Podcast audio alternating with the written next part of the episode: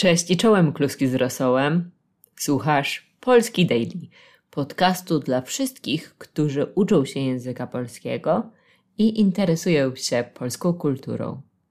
A powiem wam tak w sekrecie, że polska kultura to nie tylko pierogi, pączki, kiełbasa, ale też dużo innych bardzo interesujących rzeczy.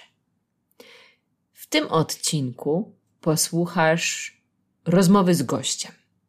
A moim gościem jest ktoś bardzo ciepły, serdeczny i interesujący. Osoba, która być może jak wielu z Was od lat żyje w dwukulturowej rodzinie. Opowie nam dzisiaj o swojej polsko-japońskiej rodzinie, o tym, jak jej mąż Japończyk odnalazł się w Polsce w latach 80. i później, udzieli Wam kilku wskazówek, jak przejść z poziomu zaawansowanego do biegłości językowej, a także podzieli się informacjami na temat swojej pracy jako tłumacz. Jestem pewna, że wysłuchacie tej rozmowy z przyjemnością, tak samo jak mi przyjemnie było rozmawiać z Anią. A teraz do rozmowy.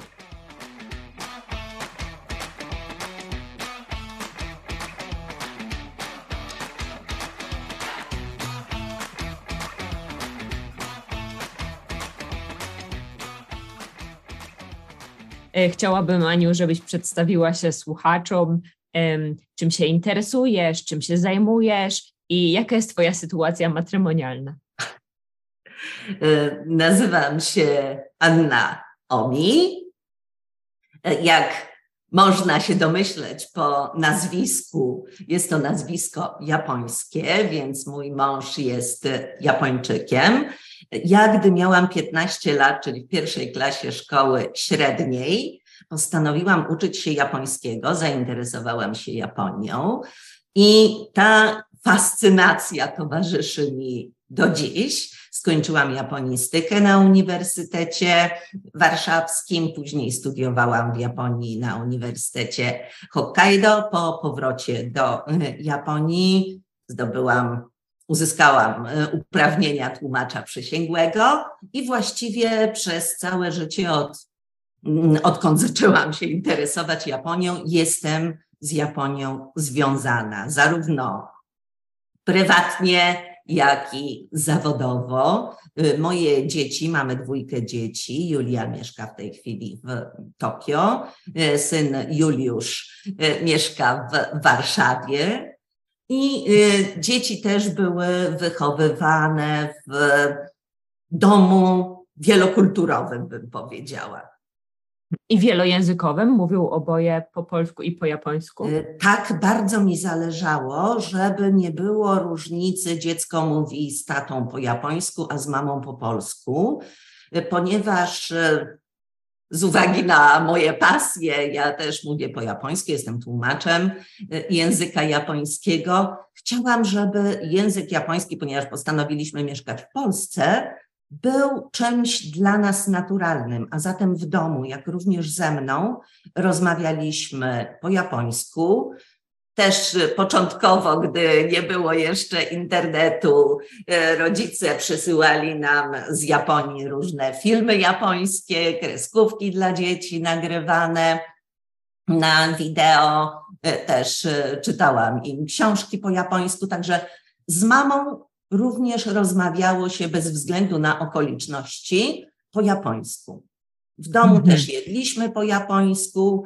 Wszystkie ceremonie, wszystkie uroczystości związane z kulturą polską i japońską również dotyczyły dzieci, ponieważ ja byłam wychowana w tradycji katolickiej, więc mm, chrzty czy też E, później e, komunię w polskim kościele dzieci e, w nich uczestniczyły, natomiast równolegle też uczestniczyły w odpowiednich uroczystościach w Japonii, czyli w Ścigosan. to są takie uroczystości dla dzieci, dla trzylatków, pięciolatków e, i siedmiolatków, kiedy dzieci ubrane w kimona idą do świątyni sintoistycznej i tam kapłan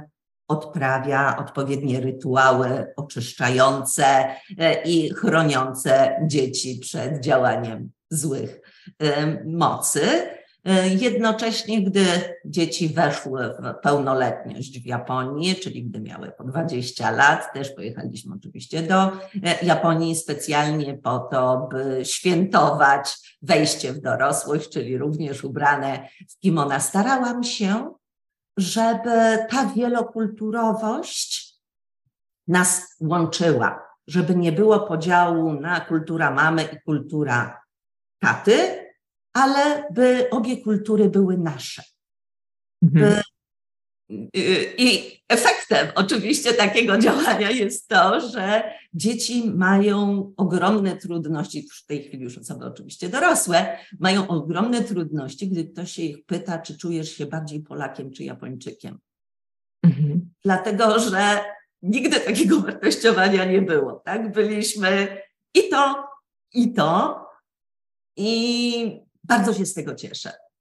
Mhm. Po prostu są sobą nie są tylko Polakiem, i, tylko Japończykiem. Mhm. Mm, I jak gdyby narodowość oczywiście jest w paszportach, mhm. ale nie stanowi jakiegoś klasyfikatora, który przydziela im do tej czy do innej grupy. Także tożsamość wielokulturowa i szacunek dla obu kultur, nie podkreślanie, że jedna jest lepsza czy gorsza od y, drugiej, jest niezwykle ważne, bo od dziecka weszły w temat w sposób naturalny. Świetnie, świetnie. A e, e, w tym momencie, myślę, że już od wielu lat, kultura japońska jest dobrze znana na Zachodzie i w Polsce. Jest wiele osób, które interesuje się Japonią, uczy się japońskiego. A jak jest na odwrót? Kiedy ty byłaś w Japonii, albo w tym momencie, co Japończycy wiedzieli i wiedzą na temat Polski?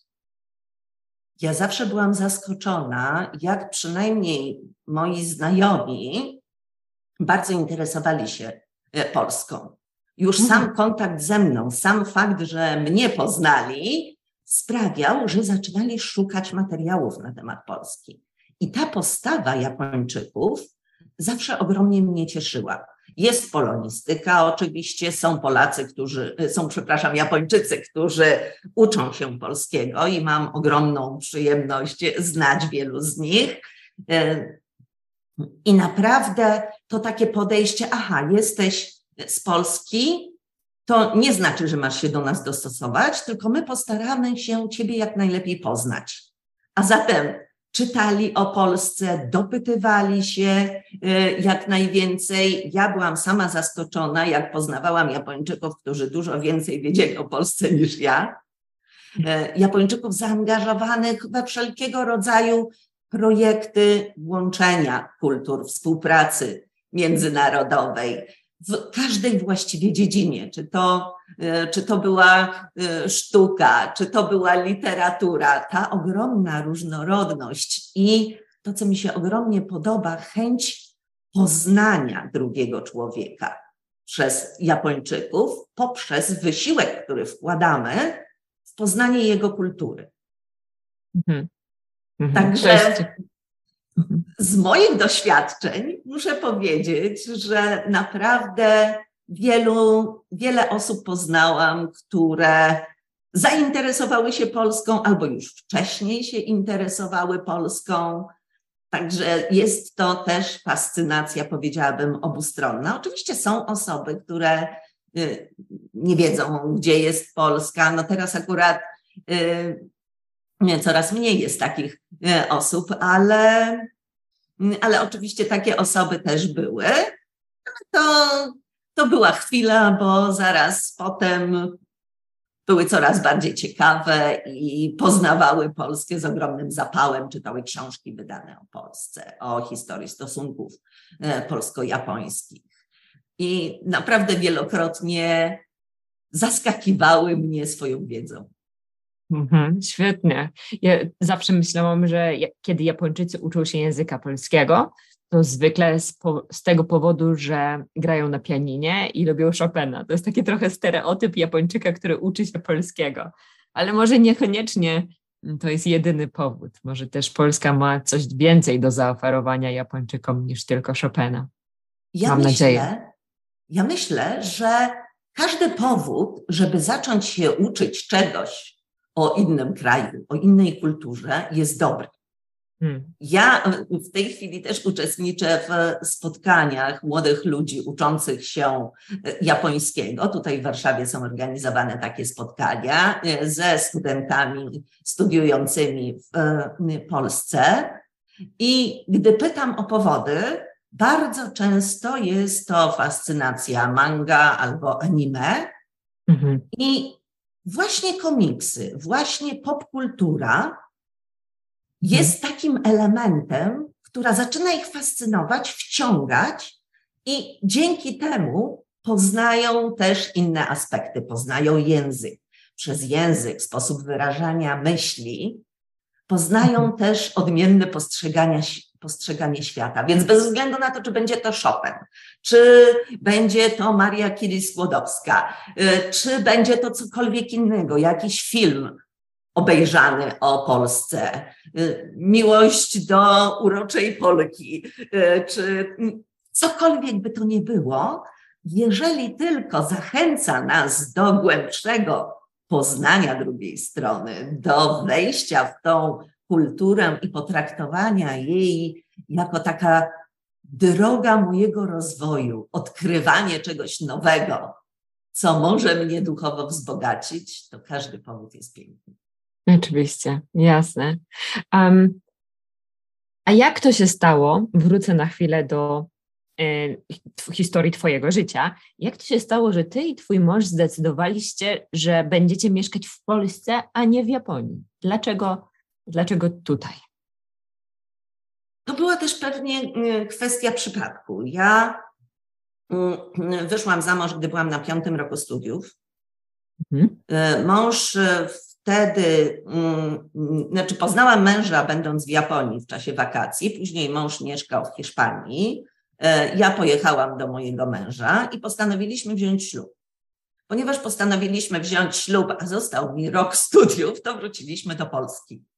Mhm. I E, to e, był rok bardzo e, przełomowy, bo wzięliśmy ślub w 1988 roku, czyli ja kończyłam studia w czasie, gdy zmieniały się rządy, gdy powstawał rząd Mazowiecki, Tadeusza Mazowieckiego. Ja wtedy też przez parę miesięcy między zakończeniem studiów, a wyjazdem na stypendium pracowałam w japońskiej gazecie ekonomicznej jako tłumacz, więc byłam jak gdyby w środku tych wydarzeń z perspektywy y, tłumacza, y, dziennikarza. No mhm. i pojechaliśmy do y, Japonii, gdyż ja dostałam stypendium z japońskiego Ministerstwa Edukacji. I warunek był taki, ponieważ ja byłam chyba pierwszą Polką, żoną Japończyka, która takowe stypendium dostała, e, warunek był taki, że nie mogę sobie emigrować. Dlatego, że było to rządowe stypendium, a zatem oczekiwano ode mnie, że wiedzę, którą zdobędę dzięki podatkom Japończyków, wykorzystam później w Polsce. Co się zresztą stało. Więc po zakończeniu studiów wróciłam do do Polski, ponieważ podczas studiów urodziłam córkę, więc musiałam moje dziecko zarejestrować w polskich urzędach i okazało się, że nie ma tłumacza przysięgłego w Polsce, więc trzeba tłumacza japońsko-polskiego. Więc co trzeba zrobić w takiej sytuacji? Zostać tłumaczem przysięgłym. Więc w trybie pilnym zostałam tłumaczem przysięgłym, żeby zarejestrować e, dziecko. No i tak się potoczyło. Oczywiście wielokrotnie jeździliśmy do Japonii. Ja jeździłam zarówno prywatnie, jak i y, służbowo. Prywatnie jeździliśmy, by dzieci wakacje w miarę możliwości spędzały w Japonii z dziadkami, by miały kontakt y, nie tylko z mhm. japońskim taty, mamy i przyjaciół, ale również z japońskim w Japonii, by Japonia była im bliska pod wieloma względami. Także. Stało się tak przypadkiem. Tutaj zaczęła się rozwijać współpraca polsko-japońska, ponieważ byliśmy w okresie transformacji. Przyjeżdżało wiele y, misji rządowych. Otrzymaliśmy wtedy z Japonii ogromne wsparcie techniczne. Ja w tych projektach technicznych uczestniczyłam jako tłumacz. A mhm. zatem.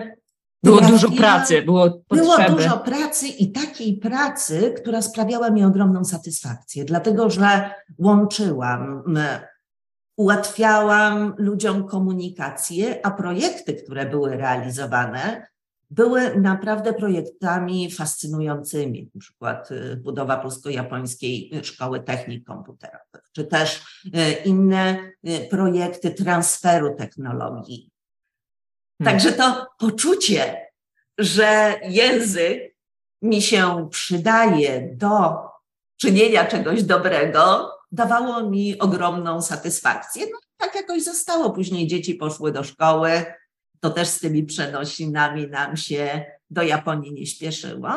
Także jest to mhm. trochę kwestia przypadku, ale niczego nie żałuję. Świetnie.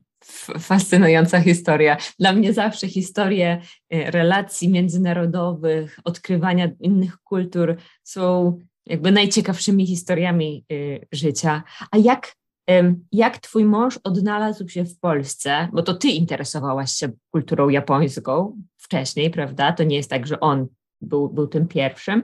E, I czy jego, mm, jego to odnalezienie się w Polsce było w tamtych czasach trudniejsze niż teraz, kiedy obcokrajowcy przyjeżdżają na przykład do Warszawy czy do Krakowa, które już są takimi trochę międzynarodowymi krajami? Jak ty to widzisz?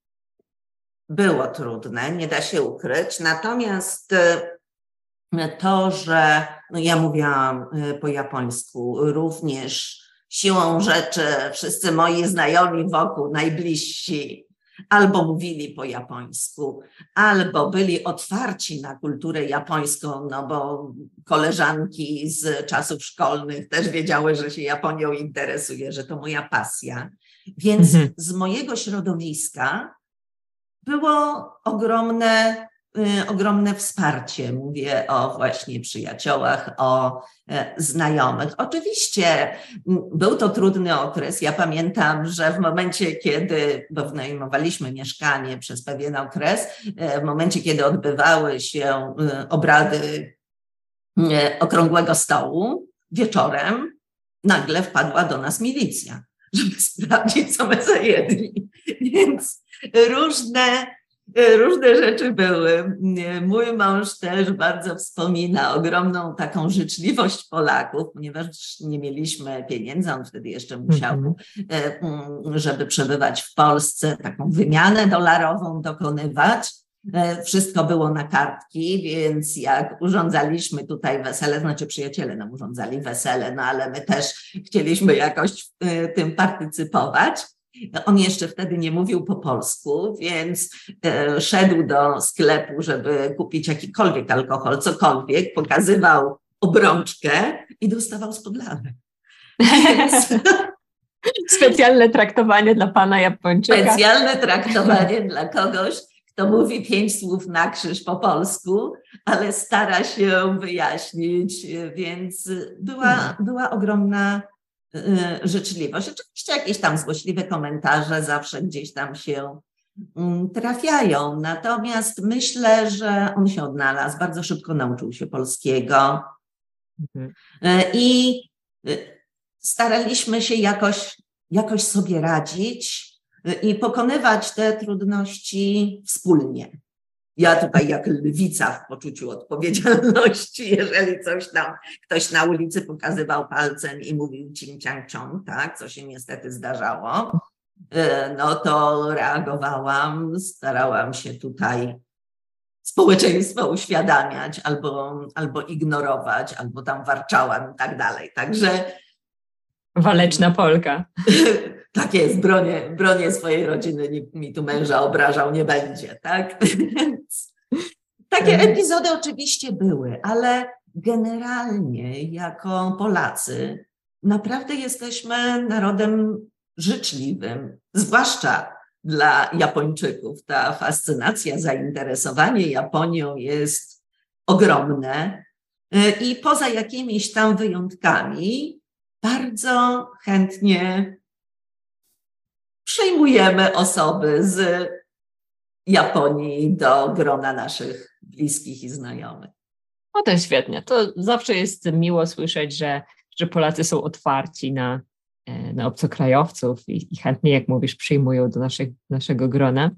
Um, czy w Pewnie zwykle na, na początku waszej relacji, na początku um, waszego związku odkrywaliście różne różnice kulturowe. Ty już znałaś Japonię, więc nic cię pewnie tam nie zaskakiwało, ale jak to było u niego? Czy były rzeczy w Polsce, które go mocno zaskoczyły?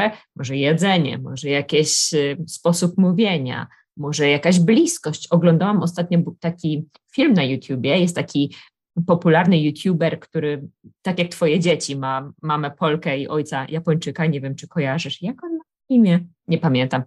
I on opowiadał o rodzinie tu i rodzinie tam i mówił, że rodzina w Polsce dużo chętniej na przykład się przytula, a Japończycy niekoniecznie. Jakie są takie mocne różnice?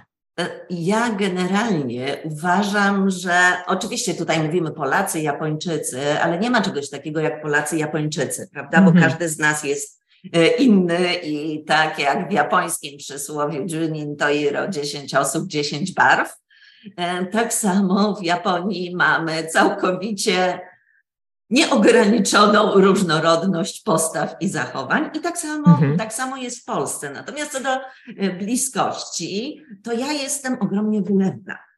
I mhm. E, ja teraz oczywiście w warunkach zawodowych to się hamuje, ale w przypadku mojej rodziny, ja oczywiście od razu, zanim się zastanowiłam, to już leciałam i przytulałam moich e, teściów. I na początku rzeczywiście mieli taki odruch zdziwienia, no bo jak coś jest zaskakujące, no to jest zaskakujące, ale z czasem, e, z czasem się przyzwyczaili i wiedzieli, że ze mną się przytulamy. Tak samo było z dziećmi, które bardzo chętnie e, wchodziły dziadkom na kolana i nawet im do głowy nie przyszło, że może być w tym coś innego. I dziadkowie bardzo bardzo to lubili. Także to jest po prostu kwestia przestawienia sobie w głowie, mhm. czy chcemy zaakceptować tę osobę i akceptujemy, czy też będziemy się doszukiwać, no tak, ale u nas to tak, a u was to tak. Więc y, ja miałam to szczęście, że spotykam ludzi na swojej drodze z ogromną dozą tolerancji do do mnie, do, do mojej wylewności. I, I bardzo mnie to cieszy. No i oczywiście też staram się uszanować y, drugą stronę. Wiadomo, że różne fopa wszystkim się zdarzają, ale jeżeli chcemy się dogadać, to, to się dogadamy. Okej. Okay. Mhm. Nie ma barier, do y, których nie da się przeskoczyć i Oczywiście, tak one są, są tylko w naszej głowie, tak? Jeżeli rzeczywiście chcemy kogoś poznać, to robimy mhm. wszystko, żeby to zrobić, i wtedy druga osoba widzi ten nasz wkład pracy, te starania. Mm, japoński sposób porozumiewania się jest mm, taki mówimy wysokokontekstowy, to się tak mi wymądrze nazywa. Natomiast bardzo dużo odczytuje się tam między słowami. Taka komunikacja werbalna to jest bardzo płyciutka warstwa komunikacji. Natomiast tak naprawdę komunikujemy się gestami, subtelną życzliwością, okazywaniem szacunku drugiej osobie, staraniem się wytworzenia takiej atmosfery, by druga osoba czuła się komfortowo w naszym towarzystwie. I to wszystko jest doskonale wychwytywane. Także mhm. jeżeli ja się uśmiecham, jeżeli y, nawet popełniając jakieś błędy, staram się powiedzieć coś miłego, ukłonić, jakimś gestem pokazać, że zależy mi na relacji z tą osobą, to jest to błyskawicznie wychwytywane. Mhm. I oczywiście efektem lustra odpowiadają mi życzliwością i, i radością, bo tak naprawdę zarówno ja jako Polka, jak i moi japońscy przyjaciele, e, znajomi lubią, jak ktoś nas lubi. Tak? I Pewnie. też staramy się na to odpowiedzieć. To, to, co mówisz, przywodzi mi na myśl tak bardzo zróżnicowane opinie na temat Polaków jako społeczeństwa. Jedni, na przykład studenci, mówią, że Polacy są zimni, otwarci, nie używają słowa przepraszam i generalnie trudno z nimi nawiązać relacje. Inni mówią, że jest wręcz przeciwnie, że Polacy to taki ciepły naród. Ale może klucz do tego jest właśnie w Twojej postawie. Jak mówisz, jeżeli Ty się uśmiechniesz, powiesz dziękuję, przepraszam i nawiążesz rozmowę, to spotkasz się dokładnie z lustrzanym odbiciem. Więc... Dokładnie tak. I to zarówno w stosunku do Polaków, jak i Japończyków, jak i przedstawicieli innych kultur. Teraz pasjonuję się e, e, kulturą żydowską i izraelską, więc odkrywam nową kulturę w moim życiu. I tak samo jest z przedstawicielami chyba każdego kraju, kogo poznałam. Mam przyjaciół na całym świecie, w różnych krajach i to wyjście takie, gotowość poznania, chęć poznania, życzliwość, którą okazujemy wszędzie, spotyka się z takim samym odzewem. Nie u każdej oczywiście osoby, ale u osób takich, z którymi chciałabym się zaprzyjaźnić. Pewnie. E, jak wspomniałaś, interesujesz się teraz kulturą żydowską i uczysz się hebrajskiego, prawda? Tak. E, jak to, Chciałam z Tobą troszkę porozmawiać na temat nauki języka. Y, jakie są Twoje podejścia do nauki języka? Y, I szczególnie mnie interesuje mm, Twoje podejście do poziomu zaawansowanego. Jak wiemy, jesteś tłumaczem przysięgłym. Twój język jest na bardzo wysokim poziomie i wielu, wielu moich słuchaczy to osoby już w miarę zaawansowane, bo rozumieją moje gadania ale często spotykam się z problemem, że wchodzą na ten zaawansowany poziom i, i czują, że utknęli, że nie robią postępów. Kiedy ty poczułaś, że z poziomu, z poziomu zaawansowanego przeszłaś do biegłości, albo jak sobie pomogłaś w tym? Co zrobić w takiej sytuacji według ciebie? E, ja sobie zawsze powtarzam, e, i zresztą japoński bardzo mnie tego uczy teraz, teraz też hebrajski, bardzo uczy pokory. Czyli ja nigdy nie powiem, że ja umiem jakiś język. Bez względu na to, ile lat ja się go uczę, zawsze odkryję w nim coś, czego nie wiem, coś, co jest fascynujące, co e, wzbogaca moją wiedzę. E, dlatego przede wszystkim chyba najważniejsze jest to, żeby się wyzbyć przekonania, ja już ten język umiem. Dlatego, że jest tak wiele sfer w każdym języku, bez względu na to, na jakim jesteśmy poziomie, o których nie mamy zielonego pojęcia, i poprzez ich odkrywanie odkrywamy też nowe światy. Ja na przykład uwielbiam to akurat w przypadku nauki teraz y, mm, hebrajskiego, y, uwielbiam słuchać rozmaitych wykładów po hebrajsku. Bo mhm. Y, oprócz tego, że uczę się języka, to poznaję inne tematy. I uczestniczę we wszelkich możliwych, dostępnych dla mnie kursach. Staram się, żeby ten język stał się częścią mnie, bez kompleksów. To, że czegoś nie umiem, no to dlatego, że się uczę, a nie dlatego, że jestem wielką specjalistką, bo jeżeli dojdę do poczucia, że ja jestem wielką specjalistką, to wtedy każda porażka będzie dla mnie osobistą klęską. Natomiast i to zniechęca tak, do, do mhm. dalszych działań. Tyle się uczę, a dalej nie umiem. Więc y, y, odkrywanie na przykład tego, o, poznałam nowe słowo, tak? jeszcze pięć minut temu nie znałam, a teraz znam. I to jest mój sukces. Czy jakiegoś nowego, nowego wyrażenia. I w moim przypadku, ponieważ ja uwielbiam różnorodność, ja nie jestem w stanie uczyć się tylko na jednym kursie. Ja lubię uczyć się w różnych miejscach, od różnych lektorów, y, wykorzystywać wszystkie możliwe źródła, które są dostępne, na przykład YouTube, gdzie można mm, słuchać i oglądać e, rozmaite e, relacje ze spotkań, z dyskusji. Naprawdę jest taki ogrom materiałów, gdzie e, niezwykle fascynujące osoby, a mnie interesują fascynujące osoby, e, opowiadają o siebie, spotkania z autorami, spotkania z artystami, spotkania z naukowcami. I to mhm. nie jest taki język e, łatwy, tak? Więc tutaj można się nauczyć tej pokory, zobaczyć, jak jeszcze dużo jest przed nami, a jednocześnie czerpać tą satysfakcję, że kiedyś nie rozumiałam nic, a teraz rozumiem 50%.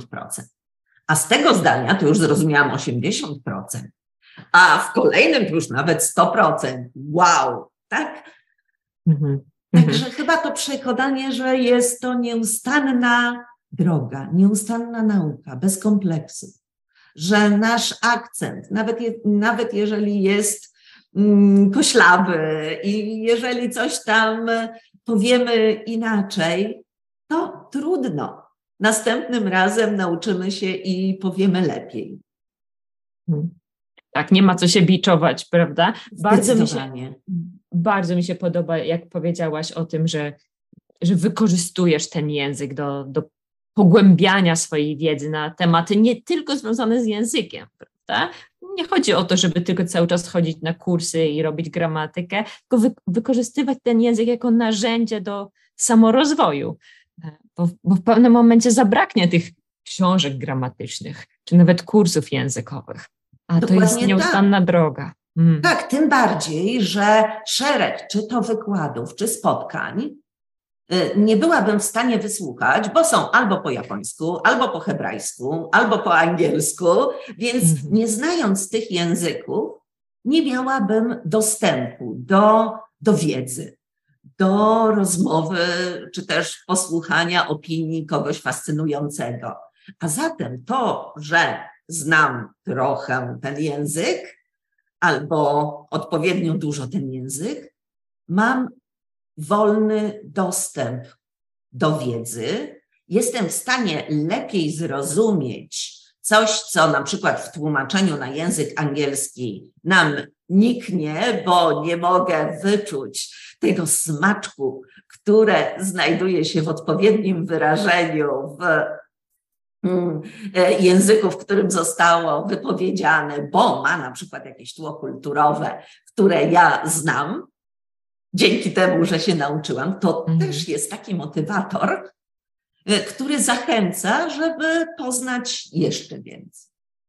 Jeszcze więcej. I nie ma końca. I nie, nie ma, ma końca.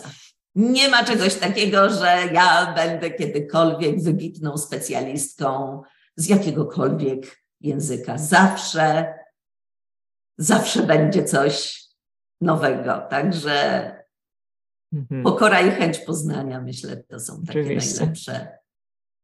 Myślę, że to jest cenna, cenna lekcja dla naszych e, słuchaczy, bo bardzo mało osób postrzega język polski jako klucz do biblioteki wiedzy.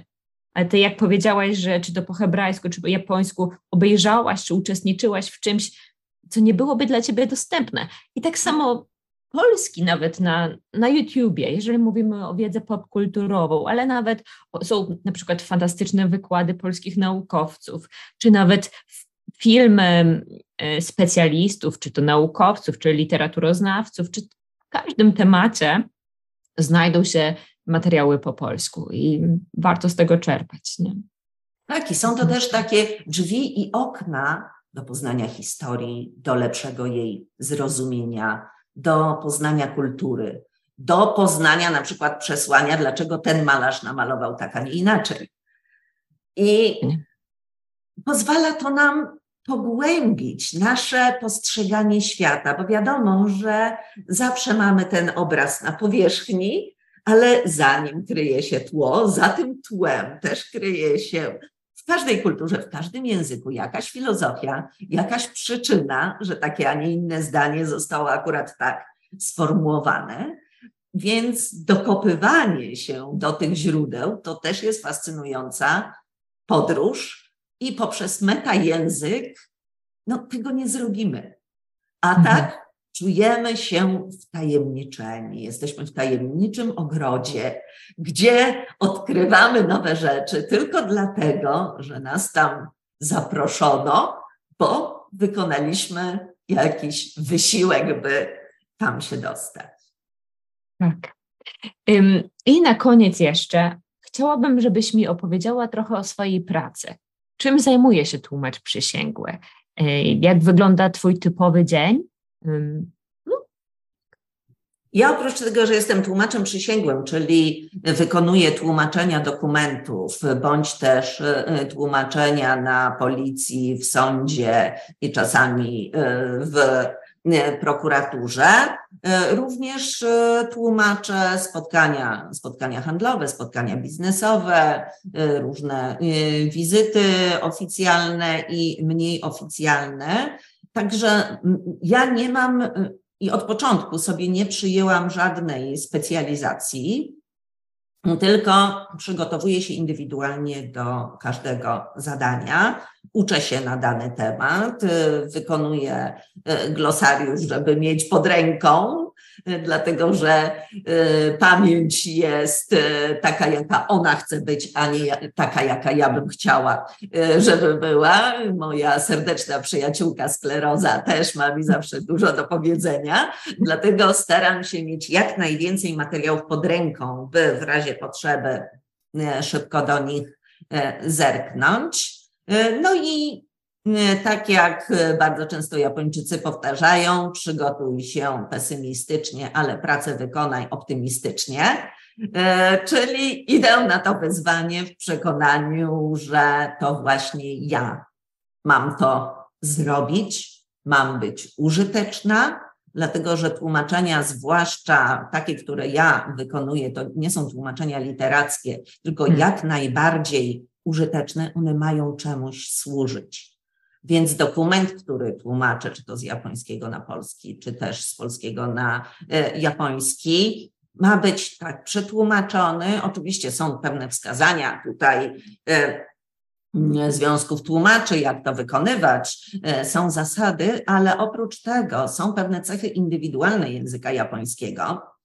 Dlatego staram się tłumaczyć nieliteralnie, ale oczywiście jak najbliżej tego, co zostało powiedziane, ale tak, by druga strona zrozumiała. Więc różnymi swoimi komentarzami podpowiadam, które to jest imię, które to jest nazwisko, y, y, który, który to jest w tej chwili rok w Japonii, no bo w Japonii liczymy lata według lat panowania cesarza. Więc wszystkie takie informacje staram się zamieścić, gdyż tłumaczę mm, nie jak maszyna, tylko jak człowiek, który wchodzi w buty osoby, która będzie to czytała.